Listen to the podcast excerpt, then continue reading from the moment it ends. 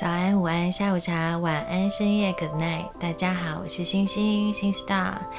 今天在新歌加欢唱的这个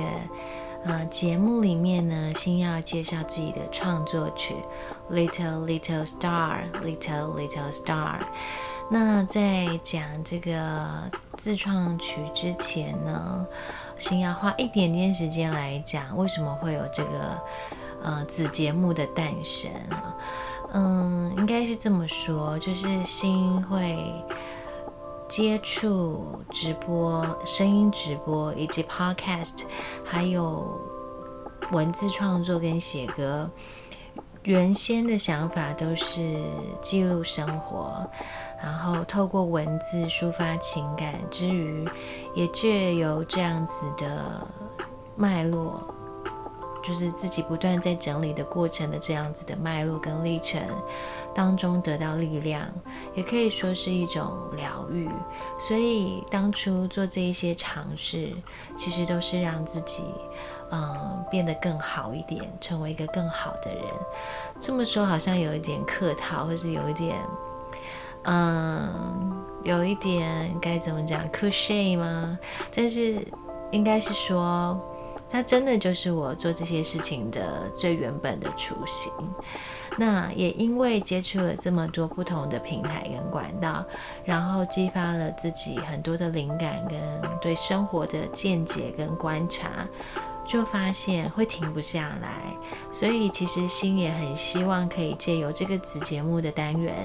嗯，鼓励每一个人，我们都可以成为我们自己生活的记录者。或是创作者，也就是说呢，无论你是擅长用文字，还是用照片，还是素描，还是画插图，还是手写都好，你用你自己最擅长、最习惯、最舒服的方式去记录你的生命，去记录你的呃每一天的生活，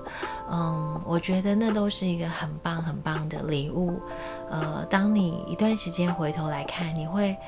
你会很意外的发现，诶，在那个时候，在那个状态的自己是这样子想的，而你回首过去，你会发现自己也许进步了，也许退步了，或是。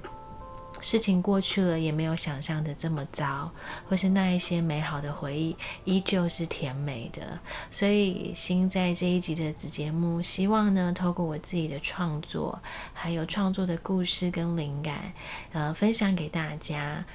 呃，当然是希望大家多多支持我的节目，还有直播，还有我的那个呃创作音乐以外呢。当然也是，呃，以一个分享的心情分享给所有的听众跟粉丝朋友们。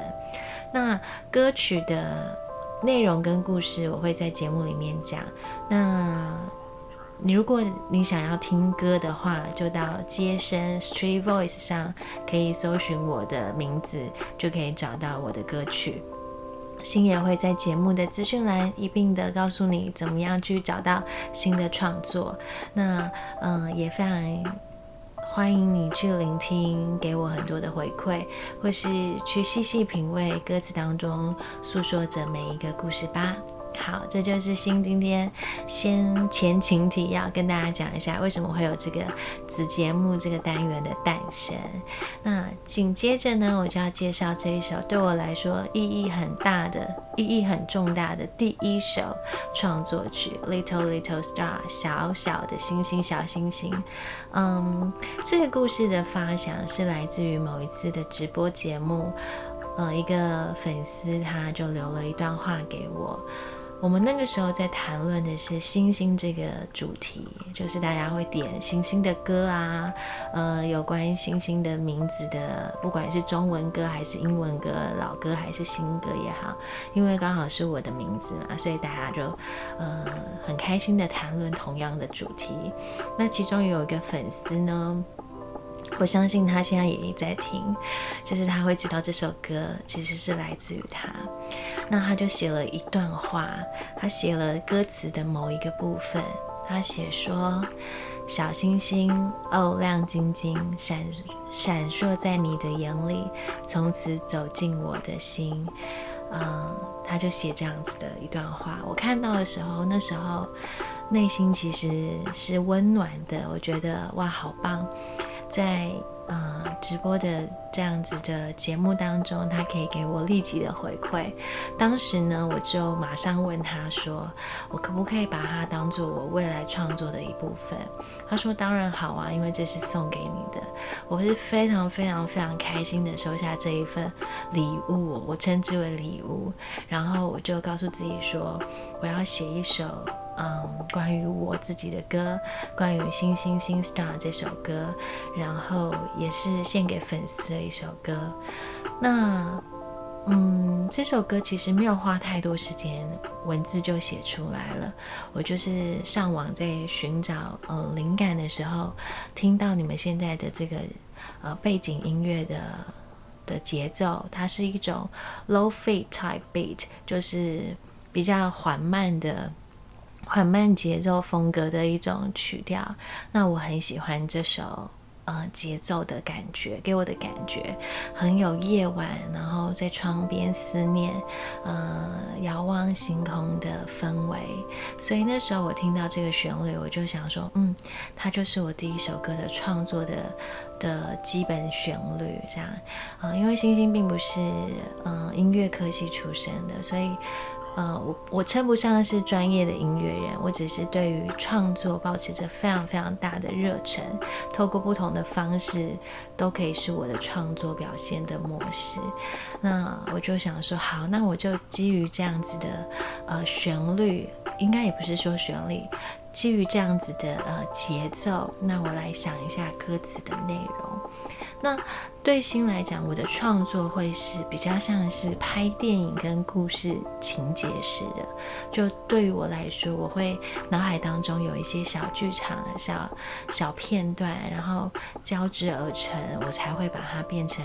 文字。那这些文字可能是我个人的经验，我看到的故事，或是我所观察的这个世界跟这个社会现象。所以有的时候是。嗯，第一人称有的时候是呃第二人称或是第三人称的视角，呃去诉说不同的故事。那这首歌的副歌其实就是呃儿歌《小星星亮晶晶一闪一闪亮晶晶》的旋律，然后我再把它稍微做改编，然后。歌词里面有对话，嗯，像是嗯正在思念彼此的两个人，呃，他不知道，不管你是觉得这这个他是女生的他还是男生的他，是思念着他他还是另外一个他他都好，总之就是。写一首关于思念的歌，然后在这个星空之下呢，不晓得思念的人是否正在思念的自己，然后，嗯，只有在这样子的夜空之下，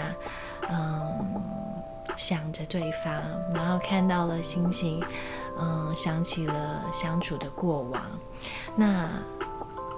这首歌是我的第一首原创，我。非常非常的喜欢，那也有一些粉丝听众说，他们最喜欢的目前的创作曲当中，最喜欢的是这首歌，嗯，所以呢，如果你有兴趣想要听听看的话，都非常欢迎你上 Street Voice 去寻找新 Star，就可以找到这首，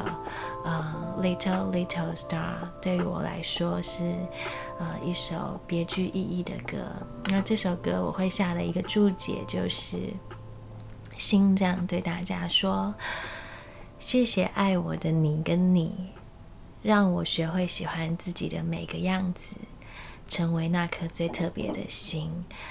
嗯，那这首歌也是送给我自己，在过去两三年，身心灵都处于特别特别低潮跟特别特别忧郁的那个状态。那也鼓励大家，我们不用。很努力的成为别人的太阳，或是成为自己的太阳，只要只要成为自己最独特的一颗星星就好了。那这颗星星有时闪耀，有时光芒暗淡，都没有关系，只要在无数寂寞跟感到失落低潮，或是。感到微微的幸福的时候，都要想起天空还有那颗星星，还有自己陪伴着自己。所以这首歌送给星星自己，也送给喜欢我的每一个你，也送给第一次听新节目的。新的听众粉丝们，那希望你们可以呃去接声听听看我的创作，也可以持续的追踪订阅我的 podcast 节目，那还可以追踪我的个人的 IG 账号，那未来会有更多的创作以及更多的面向，透过节目的方式展现给大家。以上是今天新歌家环唱的第一集自创曲的介绍，Little Little Star，希望你会喜欢。